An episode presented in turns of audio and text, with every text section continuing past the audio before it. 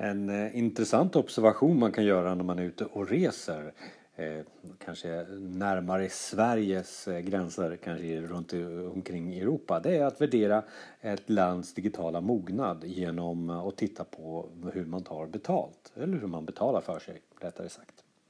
Så att fem steg eh, för det här handlar ju om att eh, den digitala utvecklingen för ett land börjar ju förstås med någon form av kontantbetalning. Någonting som vi håller på att passera kanske här i Sverige, i alla fall runt mig. Det var länge sedan jag använde kontanter. Det är ju kort som gäller som är någon form av steg två som vi har haft länge.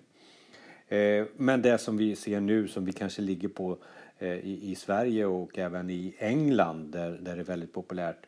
Det är väl steg tre, contactless. Alltså när man tar sitt kort och så touchar man en terminal eh, en förutsättning är att man har det chippet förstås i, i, sin, i sitt kort.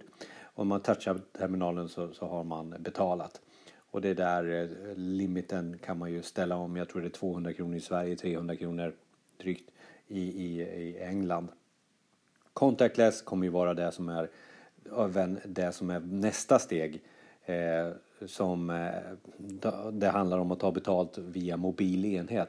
Vi ser ju redan Apple Pay Eh, vi ser Google Pay och liknande. Alla kommer ju att ta, kunna ta betalt via en app eller via en klocka eller något liknande. Påminner ju väldigt mycket, mycket om contactless och de där två stegen kommer nog säkert att flyta ihop. Och sen då så får vi se vad som händer efter det när vi har gått ut brett med det. Vad kommer opereras in i, i fingrar?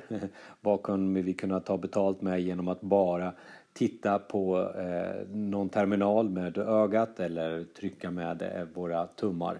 Det är väl vårt nästa steg, eh, lite biometrik, lite utav det som, som är framtiden, det som är science fiction idag.